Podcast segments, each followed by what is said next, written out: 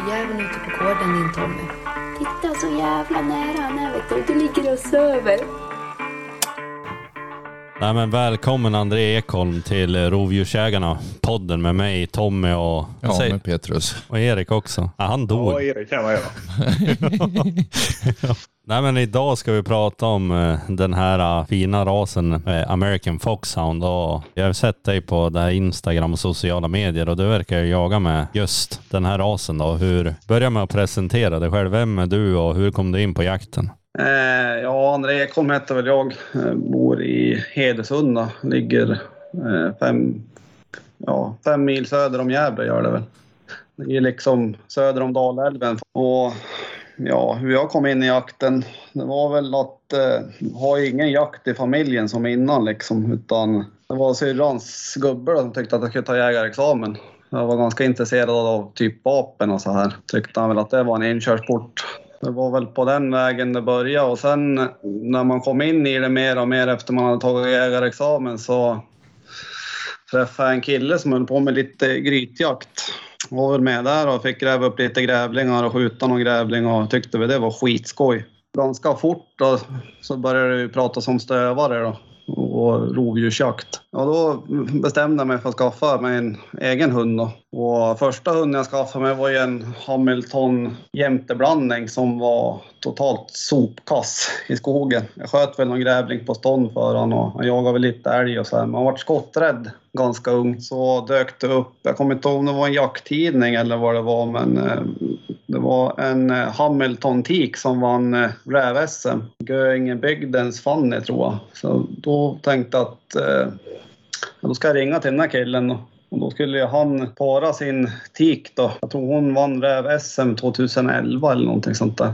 Ja, jag tingade mig på en tik där då. Fick den här tiken bara två valpar då. Jag ringde och pratade mycket med honom och han gav mycket tips och berättade mycket hur man ska göra när man jagar in en rävhund och så vidare. Så jag trodde jag hade ganska, låg ganska bra till i den kön men det vart ju tyvärr bara två valpar i den kullen tror jag. Han behöll en själv och så tror jag en hamnade i ja, hos någon kompis där då. Och då stod jag ju där och ja, fick ingen hund alltså. Det var ju jävligt surt.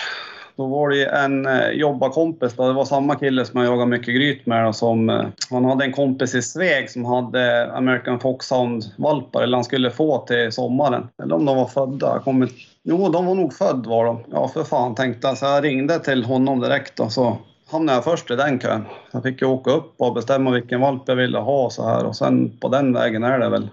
Köpte en American Foxhound-tik. Jörgen Korpilainen i Sveg.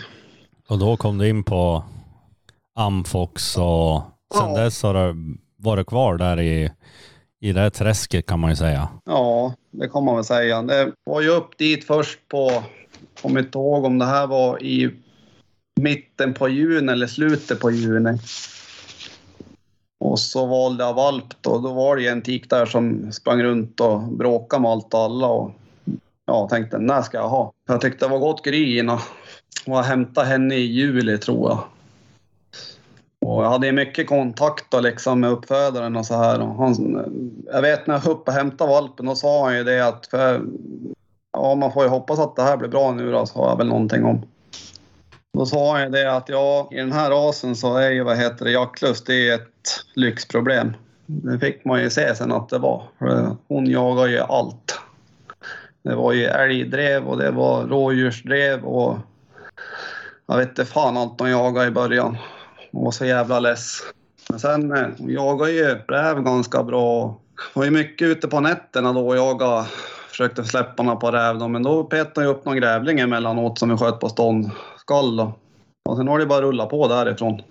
Ja, precis. Och du har några fler amfoxar idag, eller hur är det med det? Ja, jag har tre stycken idag. Har jag. Eh, Hon är kvar då och sen har jag en som är sex. Så har jag en två och ett halvt åring som är efter den här gammeltiken och Sisu. Ja, då när jag var och fick hem Sisu på vintern där så då fick jag även hem hennes mamma då. Ja, det var ju han där uppe då tyckte att han hade en ung hund då, som skulle jagas in och hade väl inte riktigt tid. Då fick ju jag ta den då. Ja, man lärde ju sig ganska mycket utav den hunden. Det var ju mycket, det var ju Garmin på den tiden och det drog ju liksom iväg och man var ju ganska grön så man fattade inte att det kommer bukta tillbaka så här. Så man satt och åkte efter liksom i bilen, skulle åka och ta hund och grejer men många gånger så kom det liksom tillbaks i, ja, där man hade stått i stort sett. Och det var ju ganska surt men det är sådär, man lär ju sig med tiden liksom och jaga. Det här American Foxhound, liksom, har du någon koll på hur kom de till Norden och sen vidare till Sverige liksom? För det är väl en amerikansk ras, låter det som. Ja, det är George Washington som är grundaren eller vad man ska säga. De säger the founding father där i staterna. Alltså rasen har ju funnits här lite till och från. Ehm, jag vet, jag fick någon bild från 40-talet. Då var det någon jägare i Småland som hade, hade en foxhound och jagade mycket med när det var lite pris på skinnen. Men sen, ja, det var, de har inte varit jättevanliga här. Ja, början på 90-talet då var det en kille i Finland som började intressera sig för dem där. Då. Och sen tror jag det var 92 tror jag han importerade första då. Som kom till Norden igen då i, ska man säga, modern tid. Och jag vet inte om det var de hundarna eller men det finns ju två hundar som går väldigt långt bak och de hette ju Blantons Bandy och Tonja Tidrej. Så jag vet inte om det var de som han importerade. Det står ju inga ägare i liksom om man tittar på finska hunddata. Det var lite där det började. Sen finnarna är ju jävligt jakthundsintresserade. De är ju duktiga att ta fram hundar som presterar. Sen togs det väl en kull där, var det 94 tror jag. Det är väl första registrerade kullen i, i Norden tror jag. Sen, sen var det ju flera som importerade in hundar från staten också i och med att det vart, det vart det liksom ökade i popularitet i Finland. I och med att det var ju en snabbdrivare. Sen drev ju trucken ner räv ganska fort och så kunde de ju gå dit och avsluta ganska fort. Men just varför valet föll på American Foxhound, det vet jag inte riktigt. Men det var ju som sagt då vart intresserad. Hur kom de till Sverige? Från Finland det till var ju en Sverige? kille- det var ju uppfödaren där, alltså det är ju flera, det var en i Dalarna också som tog in två hundar ifrån Finland. Och, eh, jagade lite med dem då och marknadsförde dem. Det var ju en kille i Finland då som tänkte att, eh, för de höll ju på att importera mycket från staterna, så här. det är ju ganska dyrt att ta in en hund. Då tänkte han väl att ja, men svenskarna ska bli lite mer intresserade. Så då var det ju ja, uppfödaren som jag köpte min tik ifrån då. Han höll ju på med plottar och grejer så han ville ju ha en hund som han kunde jaga lite mer, ja med räv och sånt här med. Kunna använda lite mer till mer ovilt. Och sen ville han ju ha en snabb hund och inte någon provhund då, som han sa. Han, han ville ju inte ha någon valp då. Så var den här killen i Finland då, som hette Jarkko Ampiala, han, eh, han gav bort en utav sina då. Eh, uh, Ketomen King Kong heter den i stamtavlan, kallas för Rock. Och det var väl där det började. Jag vet att det var en jävligt duktig rävhund och lohund. Sen på björn vet jag inte riktigt hur det gick eller men det var väl där någonstans det började liksom i, i Sverige. American Foxhound känns lite olikt de här eh, svenska typiska raserna och det finns lite olika blodslinjer har man ju sett och liksom eh, beskriv en, hur, hur, hur är en typisk amfox? Ja, hur ska man säga? De är ju jävligt högställda liksom och smidiga i kroppen. Man ska säga. Om du jämför med en finstövare så är de ganska stabbiga liksom i kroppen. De är ganska fyrkantiga eller vad man ska säga. På det sättet de är gjorda också för att jaga. En finstövare är gjord för att, alltså den ska ju driva räv tills det kommer i pasta eller går i gryt. Foxhound den är mer gjord för att komma ikapp viltet. Det är så de olika blodslinjerna har utvecklats genom åren också. Så nu pratar vi i, innan ens American Foxhound var en ras. Så de har ju hållit på med det här i kanske, ja, vad, vad kan det vara, 300, 360-370 år liksom och försökt att förfina till det hela tiden och fila på det. Börjar ju med de här Penn Marydale heter det. Det är en förkortning för Pennsylvania, Maryland och Delaware. Och det är ju mer de här traditionsenliga packhundarna liksom. Då jagar man ju mycket så här gråräv i staterna, för det var ju det som fanns. Sen senare när rödräven vart eh, importerad till staterna, för den förekom ju inte där innan. Då börjar man ju liksom försöka Går den längre vägen i och med att eh, gråräven den trear ju i och med att den har en tumme. Då, då kunde de ju gå dit till trädet och skjuta räven efter en stund. Medan eh, rödräven den gick ju ner i gryt. Då fick de väl lite problem med det så att då har de ju försökt att förfina de här blåslinorna hela tiden och komma ikapp räven då. Men eh, istället för att ja, bara skaffa en terrier eller en tax. De är ju lite speciella där på andra sidan.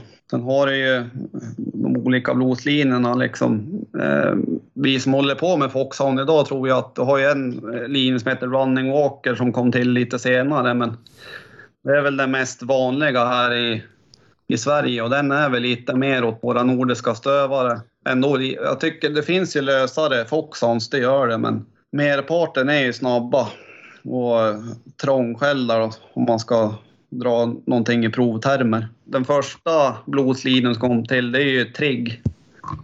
Då höll de ju på att blanda lite engelska Foxhounds med amerikanska Foxhounds och eh, de hade in lite dåtidens konhundar och för att få, få lite snabbare hundar liksom. De har också ganska kall nos då generellt, eller vad är det med det? Har de liksom... Ja, det är väl ganska olika på det som finns här, men tanken är väl att det ska ju bli kallare liksom ju värre linjer är. Och det första linjen är ju Trigg. Sen kom ju, jag kommer inte ihåg om det var ju blodet som kom till. Linjen är ju Running Walker, Trigg, July, Penn Marydale. Sen är det några fler som jag inte kommer ihåg just nu. Det finns ju att läsa om det där hur mycket som helst om man vill på nätet. Det är på amerikanska forum då, eller vad? Ja, det är det. Svenska, där står det ju typ inte så mycket. Det står ju att, det är en, att eh, rasen inte förekommer så mycket i Norden, typ. Står det. Om man går in där och tittar. Men du har också en egen uppfödning på... Ja, det har jag. Det är jag taxar håller jag på med. Och du har, vad har du för blodslinjer i dina hundar då? Sisu då, som är äldst, då, hon är ju mest running walker och så är det väl lite trigg i henne. Det är ju det är liksom fritt att blanda de här blodslinjerna. Medans i, det är ju fritt i staten också, men där är det ju lite mer att man håller dem åt sidan. Man vill ha de här lite olika egenskaperna i dem. Och så har jag ju, ja det är ju Trigg och Running Walker och så har jag en som är Running Walker och July. Det, det skiljer ju lite i ja, hur de ser ut helt enkelt. Det jag tänkte, de har ganska stor variation i färgtäckning och sånt där jag har sett. Ja, det har de. Eh, Sisu, hon ser ju mer ut som en finstövare nästan, fast lite... Det bruna är lite ljusare kan man säga.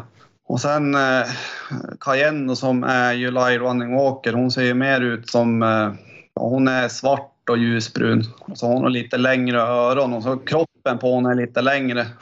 Och sen har vi Dunder Karlsson och han är ju kofärgad som de säger i Finland. Trefärgad skulle vi säga här i Sverige tror jag.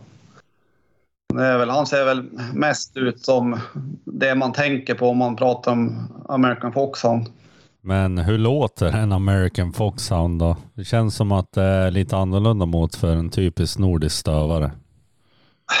Ja, alltså det finns ju sådana som låter lite mer som en typ nordisk dövare. men som, eh, min äldsta, hon har ju jävligt grovt skall hon. Det, har ju med, det kommer ju en uppifrån hennes stamtavla, för det fanns ju någon, en hund som hette Loftons Betlehem där som de kallar för Trumman, han hade så grovt eh, skall. Och det har väl hon nedärvt där.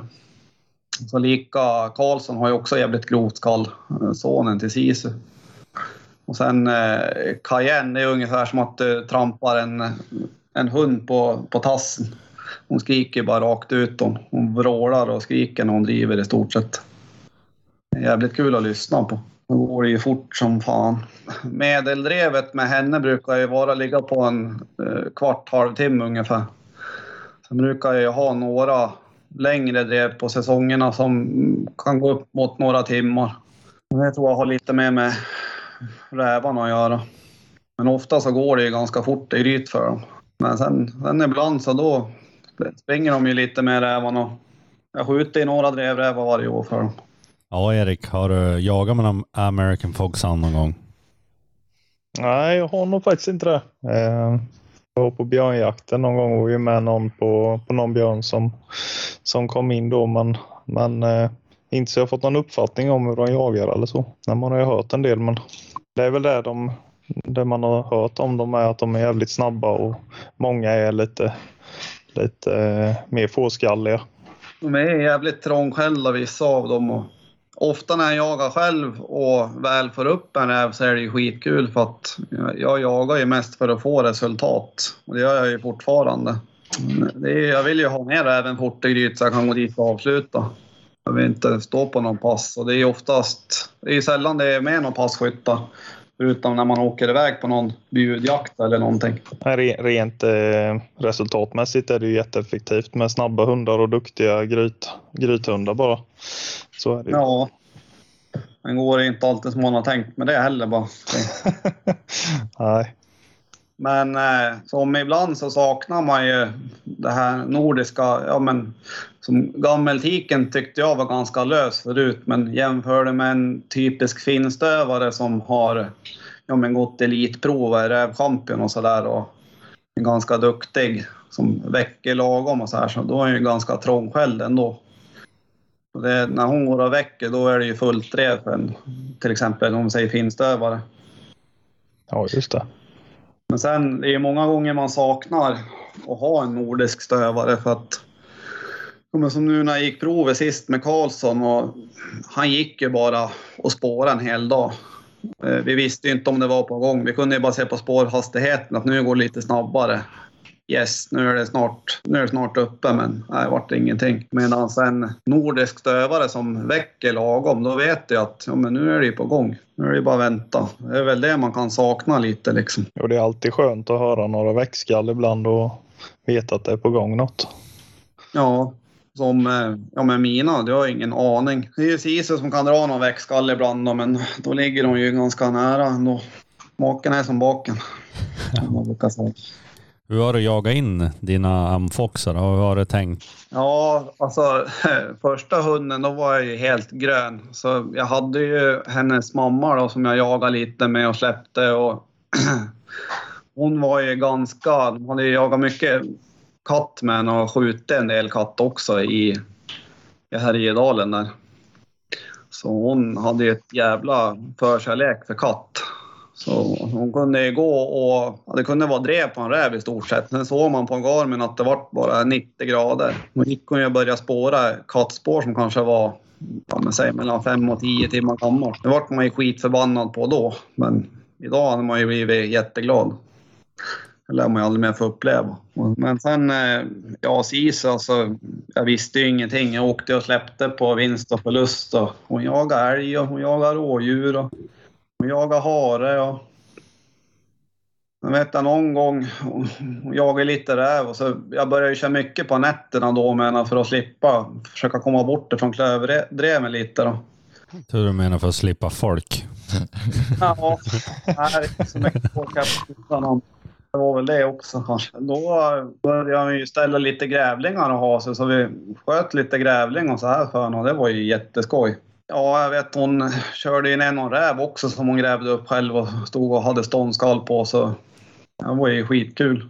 Och sen eh, jagade jag ju på ett ställe åt eh, Torsåkerhållet då på en mark så jag var ju dit efter en älgjakt eh, i oktober. Det hade kommit lite nysnö så man hade sett mycket rävspår på ett ställe. Jag åkte väl dit och släppte lite och försökte få upp någon räv. Och då tog hon ju upp en springbjörn. Det hette det ju inte då, utan då jag och björn. Jag fick ju se den här björnen också. Ja, det här var ju 2013, 14 så att det här med björnjakt var inte sådär supermodernt. Det var ju eh, det var inte så många som höll på med det då liksom. Man kände. Jag ringde ju till uppfödarna liksom och frågade vad fan är det här? Och man hade ju läst mycket i tidningar för det var ju en het potatis att skriva om björnjakt och så här. Och, ja, men hundarna beter sig lite konstigt och de är lite spak. Och, det här var ju fullt drev det. Det var ju som när hon jagade vad som helst. Jag fick ju tag i henne sen när björnen simmade över en, en å. Men annars så har hon ju hon har ju haft ett jävla klövintresse liksom genomgående genom, genom åren. Det varit jävligt tråkigt men sen har hon ju gjort jävligt mycket bra också. Sen hon har ju varit jävligt dålig när hon har jagat klövdjuren så att eh, så fort de har gjort någonting, typ gått tillbaka i bakspåren eller någonting, så då har hon ju börjat ringa. Så då har det bara varit gått och tagit henne stort sett och släppt dem och sen så har hon ju fått tag i räv. Man har ju nött på med henne. Det är väl så de flesta stövare skulle jag säga. Om man tittar på kompisar och man pratar med er och men vad är det största misstaget du har gjort i injagningsmomentet och som du har lärt av som du kanske inte skulle göra idag? Ja, nu vet man ju lite vad man har räv vad bra ställen att släppa på. Man vet om lite gryta. Då visste man ju ingenting. Man hade inte koll på ett endaste gryt då. Då åkte man ju bara och släppte lite överallt.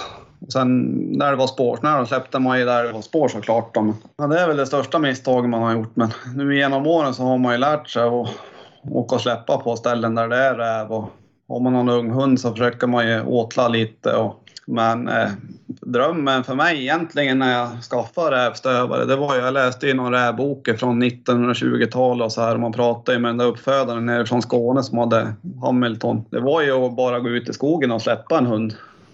Och och veta att de bara jagar räv till exempel. Men eh, så har det väl inte riktigt blivit. Det tog tre hundar då innan man kom dit man ville. Karlsson här. Han blir ju tre nu i höst och han är ju RR nu. Och jag tror jag har haft två rådjursdrev med honom.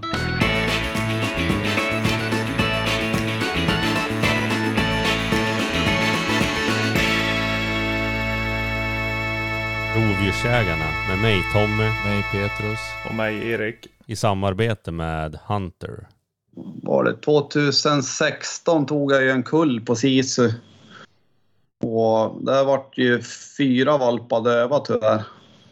Och jag tog ju ingen tik därifrån själv. Så vad heter det? Sen så, och det där med dövheten visste jag ju inte om då riktigt och var ju osäker på var det kommer ifrån, om det kommer från tiken eller hanen. Och det här var ju en importhane ifrån, eh, alltså det var den här Jarkko som jag har mycket bra kontakt med i Finland som har en kennel som heter Hallaballa. Som, den finns, hans hundar återkommer i många stamtavlor.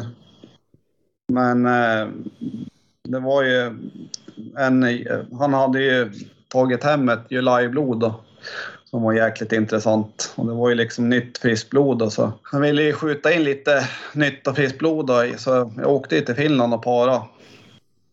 Och sen så blev det ju som det blev då. Det vart ju, I slutkontentan så vart det ju fyra döva valpar. Och sen, eh, jag hade ju inte koll på det här med dövheten. Då köpte ju en kompis i Piteå köpte hem den där hunden. Och så fick han ju en tjuvparning med sin eh, Foxhound Teak som han hade då tror jag.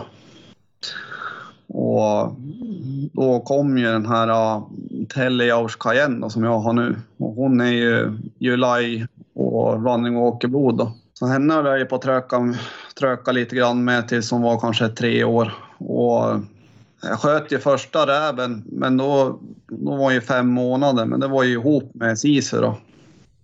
Hon, drev den. Men sen hon har ju också varit så att hon har drivit mycket klövvilt. Och många säger ju det som har Foxhound och har haft det länge att det är därför man köper Foxhound för att de är så klövdjursren. Men eh, ja, jag har väl inte sett det förrän nu kan man säga. Sen har jag aldrig haft en nordisk stövare heller så jag har ingenting att jämföra med direkt. Jag vet inte. Jag har aldrig haft en klövren hund i alla fall. Nej, och fram till nu då, eller ja, fram till Karlsson blev RR så trodde jag, jag var stupsäker på att det hade med jaktlusten att göra. Men nu är jag inte lika säker längre. För Karlsson har ju minst lika mycket jaktlust som Cayenne och Sisu och eh, han är bara sval på dem. Så det har väl med genetik att göra, tror jag med nu. Det är väl så där med åren så kommer ju erfarenheten. Men sen man har ju så jävla mycket spekulationer och funderingar med sig själv så man vet inte om man ska ta vägen ibland. Ju mer man jagar ju... Ja, man får ju mer frågor. Det är bara att ta till exempel som, ja men nu när man har jagat lite, ganska mycket lodjur och fått vara med och det har skjutits någon för hundarna som man har haft med och jagat med. Då. Så då tror man att de ska ligga lite där och där, men där är det någon höjd och där är det någon berg. Och, men så är det inte alls här, för vi har ju inte alls de här äh, riktiga bergen om man kan säga. Jag menar, ska man jämföra med typ er där ni kommer ifrån så är det ju typ äh, eh, backknäcksar eller något, vad man ska säga. Det kallas ju för berg då, men att, eh, men vi sköt en katt för Karlsson nu eh, i ja, licensjakten som var då. Och den låg ju ute mot älvkanten på en liten sten. Tidigare när man jagade eh, med sisu då, då hade jag ju inga barn och grejer så då var man ju ut, eh, man var ute och tränade liksom efter 15 mars på lokatt och släppte vind för våg på många ställen där man trodde att ja, men man tänkte här blir det bra. Jag tycker att hon tog upp mycket mer, eller man hittar mycket mer katt då när man gjorde så än nu. Man blir inte riktigt klok på det heller riktigt. Sen är det ju säkert att de har sina ställen där det är liksom berg och grejer. Men... Nej, precis. Eh, Petrus, har du jagat med någon American Foxhound? Jo, två stycken. Ja, men de är också lite, visst fan var det en är hårdskälld och en är inte det? En är den skäller ju knappt om den är två minuter efter. Och den andra är ju lite lösare. Den är ju ja, mer som en traditionell stövare. Men de Ja. samjagas ju. Ja, de, jag tror han har släppt mycket de är lag. Där att det skulle bli ett team.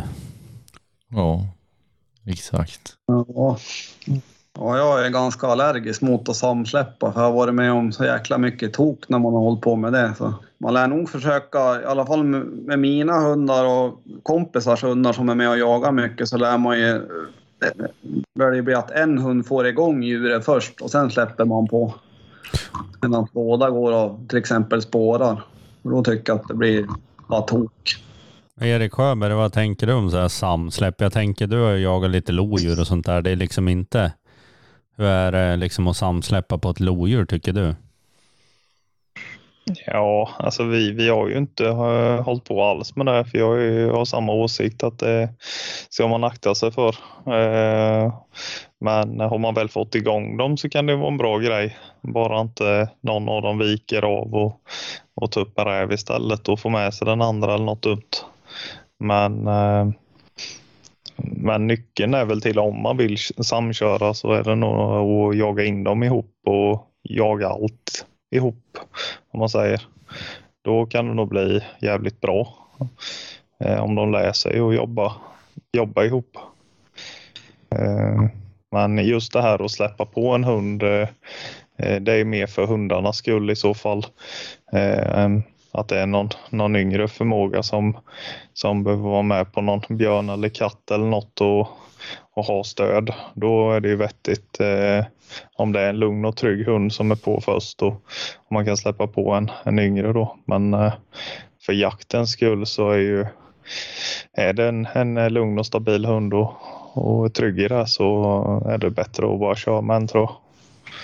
Ja, och där håller jag med dig helt faktiskt. För, vi har ju hållit på, jag hade ju hit en kompis från Norrbotten för två, två ja, förra vintern var det. Vi försökte skjuta lite räv och så här och ofta när vi fick chanser så försökte vi släppa på två och det vart ju bra tills det kom ut i en väg och sen fick den yngre hunden till exempel och drog iväg åt ett håll och sen vart det ju bara kattskit med allting. Hon ju många rävar på det viset så.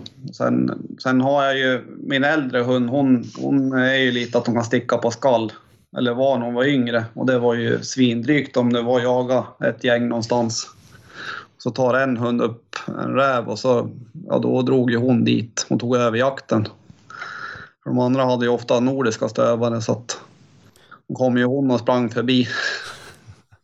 Jo men sen är det väl lite det där också att ska du väl ha hundar som, alltså att du har tänkt dig att ja men nu, vi ska ha de här två och jaga lodjur tillsammans så bör du ju släppa dem eh, typ, ja men som du säger på räv och sånt innan så att de får flamsa bort sånt där trams.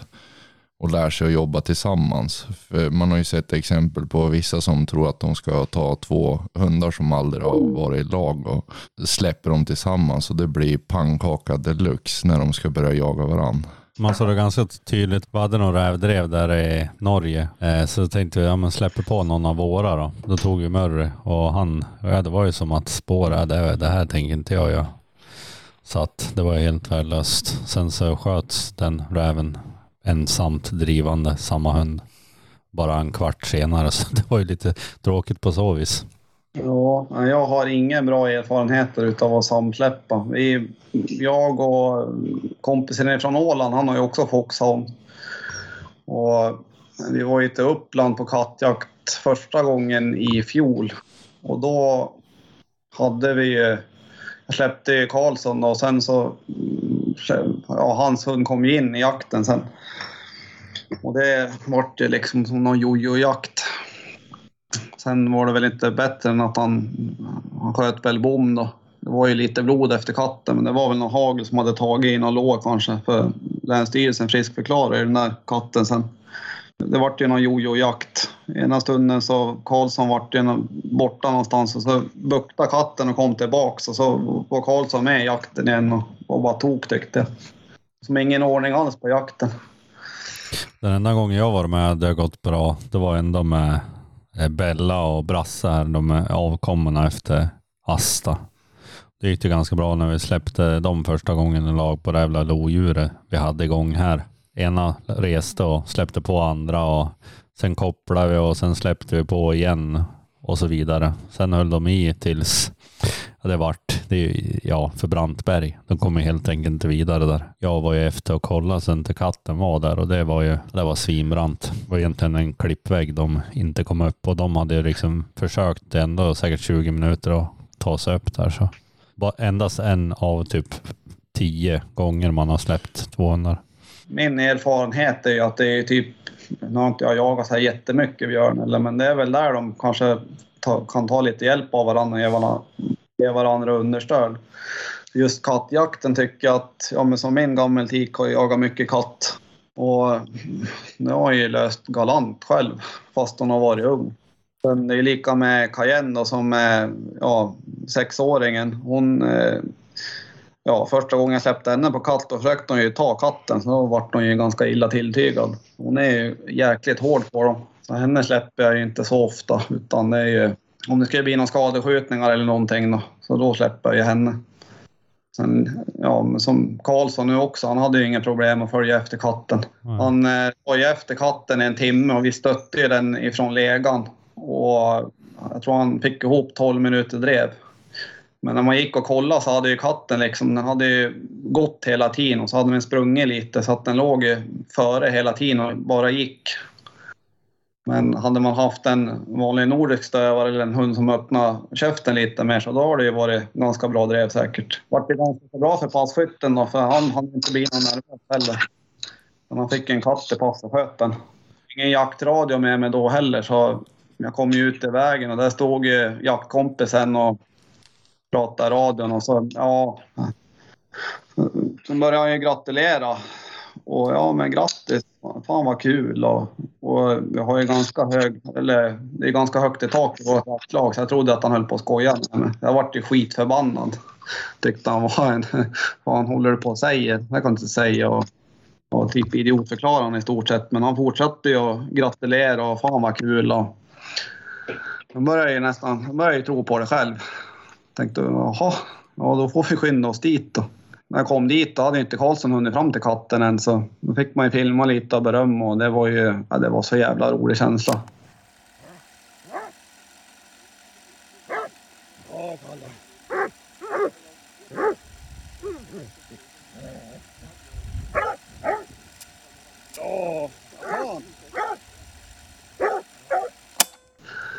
Och få lyckas. Man lägger ju ner lite spårjobb på dem där och tid. Inte som man bara går ut och släpper som på rävarna.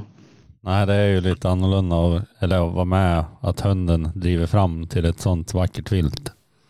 Ja, sen eh, kompisen som sköt bom i fjol, han fick ju revansch i år i Upplandskusten. Och den gick han och han spåra en, han, gick och bandade då, en mil innan han släppte sin hund för då hade han ingen spår längre. Så det var ju, ja, det var ju skitkul. Det var ju en kille som också var från Åland som satte pass, om jag inte kan nämna vid namn, som sköt bom på den där. Och sen så fick ju Ricky avsluta på det där så det var ju Han finns är- inte vid liv än. Han bommar. Ja, han hette ju Boman i efternamn så att man kan tänka dig vad det vart. Men nej, jag kommer ihåg då när jag var ju på ett annat ställe och försökte spåra upp en katt för att eh, det är ju ute efter Upplandskusten det här och det verkar ju vara drypa av katter. För ena killen i ett jaktlag där bod, eh, ringde ju dagen före vid typ tre och sa att han, det var en katt där i en by som satt och skrek vid en traktor. Jag höll ju på och försökte spåra den katten då. Kanske ja, fågelväg kanske det var två, tre kilometer ifrån där han sköt då. Så att, eh, ja, största katthanen jag spårat tror jag. Fan vilket, det var långt emellan spårstämparna. Bigfoot. Ja, ja det var, det måste vara en stor hane. Så jag får försöka ta den nästa år om vi får någon jakt där ute.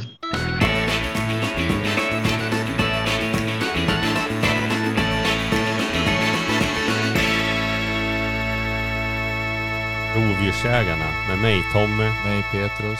Och mig Erik. i samarbete med Hunter. Jag tänkte Erik Sjöberg angående att släppa två hundar där vid björnjakten. Då hade vi släppt på eh, Aika här, dagligans Aika på någon ståndskall. Hur är din erfarenhet på det? På ståndskall har jag aldrig ställt på henne. Det var bara Bella. Eh, egentligen bara för att få, få det till att gå loss då. För hon vågar ju inte. Hon skäller ju till ett par skall och sen drar hon ju åt andra hållet.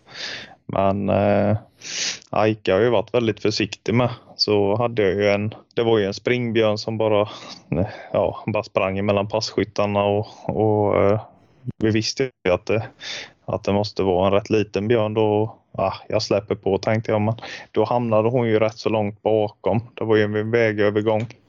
Eh, så jag stack dit och släppte på henne då. Så hon var ju aldrig ihop och de hade ju aldrig kontakt med björnen. Så det är ju det är lite svårt att, att säga. Det blir ju bara att hon, ja, om hon spårade björnen eller gisslan, det är ju svårt att säga. Annars har jag ju jag har inte eh, några direkta erfarenheter av vi har ju kört någon träning efter att det varit fullskjutet och stött på någon stövare och sådär men nu Gissla är ju sån så när det är ståndskall så skiter hon ju i andra hundar. Hon står ju där och maler. Så, eh, så det funkar ju bra och det gör ju varken till eller från för själva jakten så att säga. Det är ju mer för, för hundarnas skull. För våran skull. Ja, precis. André, ditt bästa jaktminne här med en American Foxhound, och vad, vad är det? Det vart ju ingen skott då, för det var ju bara en ren träning. Men då var jag ute och jagade. Eh, jag var ute efter ett förmiddagsskift och släppte, tänkte jag skulle få upp någon katt. Och då vart det ståndskalle upptaget. Det var ju typ 20 mars eller någonting sånt där. Så jag trodde att det var en grävling hon stod och ståndade. Jag sprang ju dit och jag kommer ihåg, det var typ en halv meter snö då. Det kommer ganska mycket snö för att vara här då. Så hade jag ju inte dragit över byxorna över stövlarna så ja, man hade ju kubik med snö i stövlarna och så kommer man fram till ståndskalle och jag skymlar ju djuren igenom en, en gran och då är det ju en stor jävla katt som de står och skäller på. Och det där gick ju loss såklart när jag kom dit. Sen jag såg ju den där katten när den gick över vid en övergång också. Det var en Ja, det måste också ha varit en riktigt stor hane. Man såg liksom på honom, han hade en jävla pondus. Kom och bara gick över vägen och sig själv utav helskotta där. Eh, det, det finns ju såklart många mer jaktminnen, men jag har ju kanske en som kommer med på den platsen. Det var ju när jag var och sköt en mårdhund ute i vass när vi var i Åland och jagade. Då var vi ute på öar där och släppte på då där vi... Ja, de sa att det var en mårdhundstig. Jag släppte in den där och då var det ju ståndskall liksom. Såg ut som att det var ute i vattnet på pejlen. De skrek liksom att ja, nu får du gå in på den där. Man fick ju typ bada ut och ja, man vart ju ganska blöt om man säger så. Då stod hon ju och, alltså hon simmade ju och skällde. Så försökte ju målhunden simma iväg. men Hon drog in målhunden hela tiden och så skällde. Det såg ju ganska kul ut. Det är väl, det är väl det. Det finns ju en jäkla massa mer jaktminnen också säkert. Att jag skjuter någon grävling och räv när man har varit ute på natten. Så, alltså skjutit en grävling på ståndskall först och sen så har det blivit någon räv som har grytat i någon, ja, liten rotvälta eller någonting. Det är ganska roligt. Vad är det för vilt de jagar egentligen? Är det liksom allt du släpper på i stort sett då eller? Ja, alltså Sisu hon har ju tagit upp varg på frisök också. Det är ingenting jag har jagat med henne för att eh, vi har ju lite varg som springer runt här i och med att jag bor i södra Gävleborg. Och det blir ju mer och mer. Jag resonerar lite så att börjar jag jaga varg med dem, då kommer de ju även ta upp det på frisök. Och det kanske inte är så jävla roligt när det inte är kontrollerat. Så jag kör ju mest räv då och så grävling och, och lo. Skogsmåla skjuter för dem. Sen har jag väl även varit över till Åland och skjutit mårdhund. Det är väl liksom det man jagar med dem. Sen, eh, jag har ju en dröm om att få skjuta med björn då för någon av dem. Men det är ett fortskridande jobb. Ja, det gör, görs inte själv på något vis. Nej, och sen jag kan ju inte erbjuda dem riktigt. Eh, alltså, vi åker iväg några dagar och det är ju familj och grejer så det är ju då man får någon chans. Och vi har inte så mycket björn här liksom söder om Dalälven. Så att eh, det är ju sällan de stöter på det. Jag har ju en plan här om att åka och pröva eh, Karlsson då i, i någon björnhägn då. Bara för att få se vad han gör när han känner lukten av det. Så, men han ståndar ju lite grävling och så här så att man har ju sett lite ståndegenskaper i honom. Hur gammal är Karlsson? Två och ett halvt är han. Dags Så. att börja snart då. Ja, jo, men jag har ju tagit det lite, eller ja, jag försöker väl att ta det lugnt med honom, men det är ju svårt. Det är ju så jävla kul när det går bra. Jo, det är ju så. Det är lätt att eh, förivra sig lite. Ja, vi sköt ju, eh, vi var ju ute på skyddsjakt när han var åtta månader och då sköt vi första rävarna för honom. Då var det två rävar som var ute på en ö och härjade fritt under häckningssäsong. Mhm. Då fick jag ju skjuta. Ja, jag sköt första drevräven för honom. Det var ju skitkul. Sen eh, i drevet då skrek han ju till och sen började det ju smälla till vänster om mig. Jag funderade vad fan de höll på med, men då var det ju antagligen så vände den där räven och Karlsson i vattnet. Det var därför han skrek till. De mötte väl räven i stort sett. Då sköt ju kompisen på det och så. Ja, det var jäkligt kul. Fick vi liksom två rävar för honom med sån här straffspark som sällan händer. Sen dess så har han ju bara gått. Jag menar, sköt ju lite räv och han grytar ju räv och han är ingen gry- grytmarkör utan han, han kör ner räven och så kan han springa tillbaka lite bakspår och sen kan han dra iväg och ta upp en ny räv.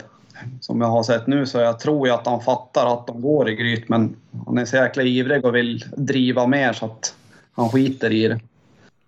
Men man har lärt sig lite hur han gör så då är det ingen fara för jag upplever att rävarna är ganska lättsprängda. Man tänker på ja, Sisu då, som hon står ju och gräver sig ner till dem om hon kan. Och sen Cayenne har det varit lite lättare med i och med att hon, eh, hon står inte och gräver i grytan men hon blir ju kvar tills man kommer. Hon kan ju typ sätta sig på en sten och vänta. Det kan se jävligt roligt ut ibland när man kommer dit. Ja, Men sen Karlsson då har jag ju försökt att få med när vi har skjutit bom på räv och vet inte fan allt. Så han, han vet ju. Han vet ju vad ett gryta är för någonting och vad som finns där men eh, han säger ju ingenting så länge det inte smäller. Sen sitter han ju och skriker och ja, han har ju lärt sig vad bomskott är. ja då blir det roligt. Det är han väl tränad på. En del individer är ju fruktansvärt svåra att få till att fatta det där att de ska stanna. Ja, jag, jag trodde, jag hade väl någon förhoppning om att det skulle bli bättre men nu när vi har jagat med med han och så jag tror inte det men får se. Jag ska försöka ta någon grävling för honom. och förhoppningsvis kanske det är någon grävling som inte kryper så långt i, någon stengryta eller under någon sten så då kanske han fattar lite mer och mer. Men eh, ja, eh, man ser ju på honom att räv det är ju så jävla roligt att driva tycker han. Och i lika på björnjakten när jag skulle gå av, gå av ett berg, då var det ju en räv som hade gått där och då stod han ju bara och skrek i koppel och skulle iväg. Nej, man får väl se var, var han är någonstans när han är fem sex år. Det är väl då man har en typ slutprodukt eller vad man ska säga. Men jag tänker på Foxhound då, vilken, vilken är deras starkaste egenskap upplever du generellt? Ja, det är ju ett takhallarslag att de är trångskälld och snabb. Eh, De, de, de lägger ju mer krut på att kom, försöka komma ikapp vilt än att alltså, driva det. Som, eh, ja, men som gammelhunden jag hade, hon, eller har, hon kan ju lägga hur långt som helst efter en väg och vara tyst bara för att försöka komma ikapp. Och oftast så resulterar ju det i, i gryträvar. Det man har försökt ha kört mycket på.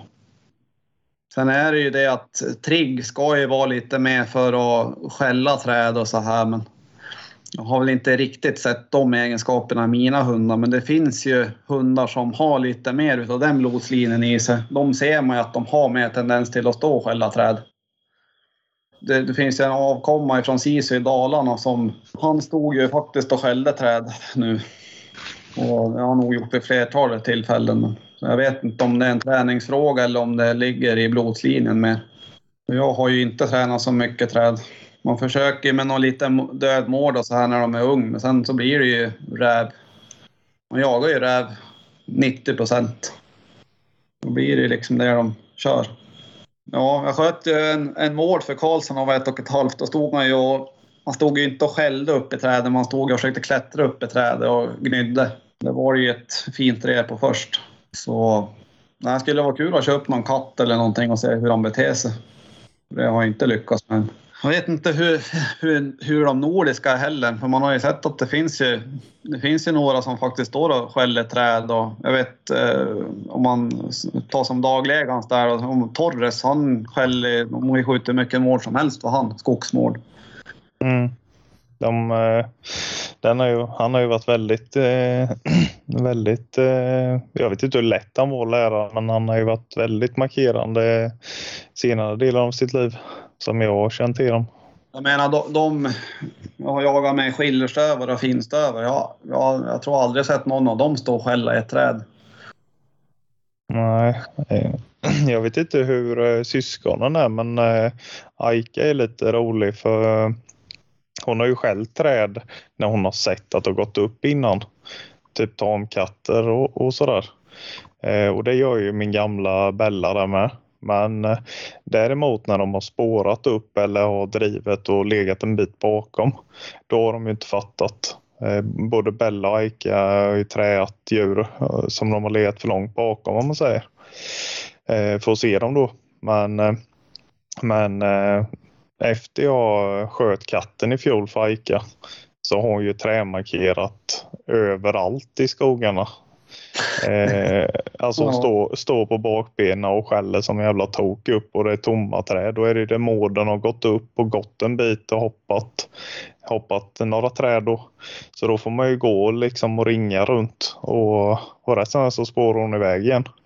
Men jag har ju aldrig lyckats skjuta någon mård för henne men hon har ju hon har ju markerat bra eh, även där hon inte har sett dem gå upp nu då. Eh, och det är ju bara på en, på en katt som jag har skjutit ner då. Ja, Den fattade hon ju inte heller. Hon gick ju och ringade hon, ända till jag pekade på, på trädet mer eller mindre och, och frågade om den var där. Då gnydde hon till lite och tittade upp typ och sen gick hon igen. Så backade jag ju och tittade och då satt ju katten där. Så då, då tog jag med henne och satte henne mellan benen. Så, så, eh, så jag visste att de skulle se när katten trillade ner. Då. Och jag berömde lite på trädet innan. Och sen eh, när jag sköt då så, så trillade den ju ner och hon var ju helt tokig. Hon hörde ju det rasslar upp i trädet en stund innan den trillade ner. Då. Och eh, då, efter det så, så fattar hon. Men det, det är ungefär som grytmarkeringen tror jag.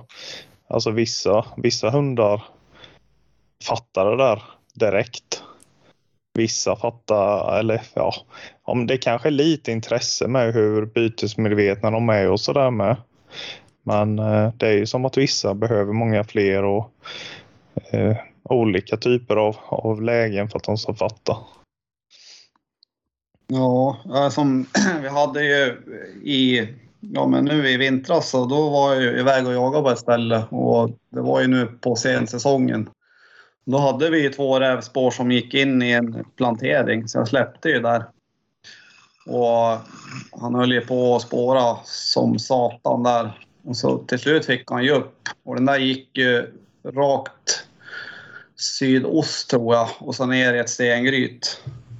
Så jag var inte långt därifrån så jag satte mig i bilen när jag körde som en idiot dit för att jag skulle visa liksom att här är den. Men när jag kommer dit då har han tagit bakspåret. Då tar jag han upp räv nummer två. Ja, det känns lite snopet det där när de inte... När de bara är kvar en liten stund och så drar de. Man inte hinner dit och man, man hinner inte ens att berömma på, på grytet. Nej, nej det, är, det är riktigt drygt. Det är nästan som att många gånger så skulle man kanske behöva gå i bakspåret men ofta så är ju ja, bakspåret sällan nära någon väg. Ja, Då blir det ju lite svårare. Sen hade jag ju någon annan räv här i, ja, tidigare på säsongen som då sprang han ju. Han körde ju ner han ganska nära buktområdet där den hade buktat en stund och sen så sprang han ju bara fram och tillbaka på kanske 600 meter. Så när jag kom till Gryte då springer han bort ifrån mig och så upp på en väg och så sprang han ju den så jag fick ju åka och hämta honom i alla fall. mm. Ja, det, man tycker att de borde fatta det där när de är med på så många gryt och det skjuts bom och ja men det blir ju tok när man håller på med räv. Så det. Ja. Det, jag höll på att kämpa riktigt, riktigt länge med Bella där. Hon, var, hon är ju, eh, både enligt mig och många kompisar, framstår hon ju som en väldigt smart hund. Men eh, det här med grytor gick ju inte för henne till att fatta. Hon var ju med och körde ut och både som vi sköt och inte sköt och släppte på och, och sådär. Men eh, till slut så var det en räv som hon såg stack ifrån grytet som, eh, som hon kom ikapp då. Eh, några hundra meter bort. Det var sista gången som jag behövde visa henne eller sk- skynda mig till ett gryt för sen har hon ju legat länge. Men hon var nog, hon var nog fyra år eller något då. Ja, ja det, Det är jätteskillnad medan den gamla jag hade det räckte eh, så länge jag inte hade egen terrier så, så bröt hon efter fem minuter och kom tillbaka. Eh, när, när man var med med terrier då och hon fick vara med på grytet. Jag tror det var en eller två gryt bara, sen fattade hon ju det. Det, är, det är ju sån jäkla skillnad från hund till hund där. ja. Som Sisu, henne, då hamnade jag i hennes bakspår. Så hon var ju på väg tillbaka, hon var ju ganska ung då. Så då kunde jag ju visa på. Så hon var ju till och med ner i Gryte och här jag hade sig. Och sen, sen tror jag nog att eh, många utav grävlingarna, ibland blir det ju stånd uppe på backen också, men det är ju ofta de kryper ner lite under någon sten och så här så att de typ kan sticka fram huvudet. Jag tror ju det, det också har gett, alltså att hon har blivit sånt grytmongo som hon är. Det kan nog hjälpa till ganska mycket, grävlingarna. Ja, och sen Cayenne, hon stannar nog kvar. Henne känns det som att man mer eller mindre har tvingat till det. eller vad man ska säga. Hon, hon, hon är ju där men luktar lite hålen och så springer hon ju runt där. Men hon gräver ju inte eller någonting utan hon, hon vet att här ska jag vara tills husse kommer, punkt slut. Men det är nog, jag tror det är rätt bra som du var inne på innan med, med eh, att de är mer lättsprängda.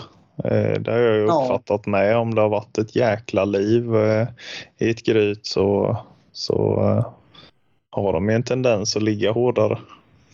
Ja, ja, jag, jag vet att jag fick, nu jagar jag inte så mycket räv med, Sisu i och med att hon blir 11 i år och har haft ganska tufft liv. Så nu kör jag ju bara grävling med henne. Förut då fick man ju ofta, det var ju sällan de kom ut, man fick ju gräva upp dem. Så att, men i år så tror jag att jag har, ja jag vet inte, det är väl inte ens en handfull rävar jag har behövt grävt upp utan de har kommit ut. Det har ju varit ganska skönt. Har du något mer, eh, om vi säger avslutande ord om eh, eh, varför man ska ha en American Foxhound? Det känns väl som att det finns mer bra material i dem. För det är ju bara att jämföra liksom. Det var ju, jag tror det är 330 reggade i Sverige totalt och så är det 2100 någonting i, i Finland. Och Jag har ingen koll på fördelningen på typ finstövare, men där är det typ 300 eller 34 000 registrerade. Vill man ha en, någon ras och trycka ner rävar i gryt fort så då är det väl en foxhound man ska ha. Sen finns det ju såklart nordiska också som är trångskäll men det känns ju inte som att det är det man letar efter om man köper en foxhound. Man vill ha någonting som är uppe och driver länge. Förr eller senare så ska du kunna jaga räv aktivt så om du har en, en typisk foxhound då måste du ju skaffa dig en terrier eller en tax. Eller ja, ja någon form av grythund i alla fall. Det, det, finns ju de som, som är lösskäll och går länge men de är inte många. Men vi har några snabba frågor här som kräver lite snabbare Nej. svar. Ja, Ja, men är hårdskälld eller lös? hård. Skulle vara kul med något växtskall ibland kanske men nej, hårdskälld. Rävjakt eh, utan eh, grythund eller utan stövare? Då blir det utan stövare. Helt klart. En eh, drilling eller en bock? En bock, det håller rådjursjägare på med. Ja. Eh, Sida, sida eller drilling om du ska jaga räv. Eller ja, halvautomat kör de mycket med i Finland också. Det går väl an. Man inte stänker skit på dem. ja. Spårsnö eller barmark? Barmark tror jag att jag ska säga med de här jävla pissvintrarna. Skarsnö och det är inte att leka med. Typ en meter snö och skare. Det vet ju ni hur det är. Så är det. Vad är det? Rävjakt eller att hunden driver räv eller lo? Det är räv. Vad tar du? Bänkpress? Jag går inte på gymmet. jag vet inte. Jag har ingen aning. Man är inte, man är inte någon stort byggd om man säger. Ligger och snittar mellan 65 och 70 kilo så Tar du frugan tror du? pass.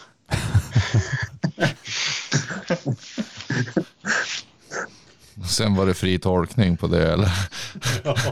Ja. Det får ni göra som ni vill med de som vågar. Ja, jag är inte sen att, skicka tändstickor på brasan. Ja, ja, det beror ju på vem du frågar. Ja. Vi frågar ju dig. Pass.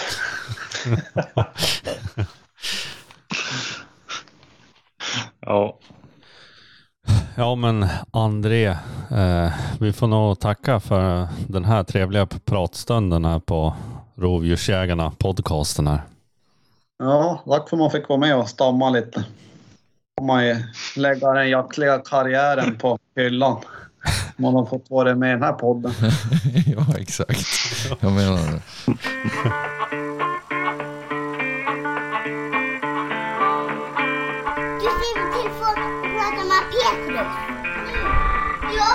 jagar och jagar. Du jagar och jagar, jagar. Med dina kompisar. Du får inte göra det en gång till när jag drar i håret. Du jagar.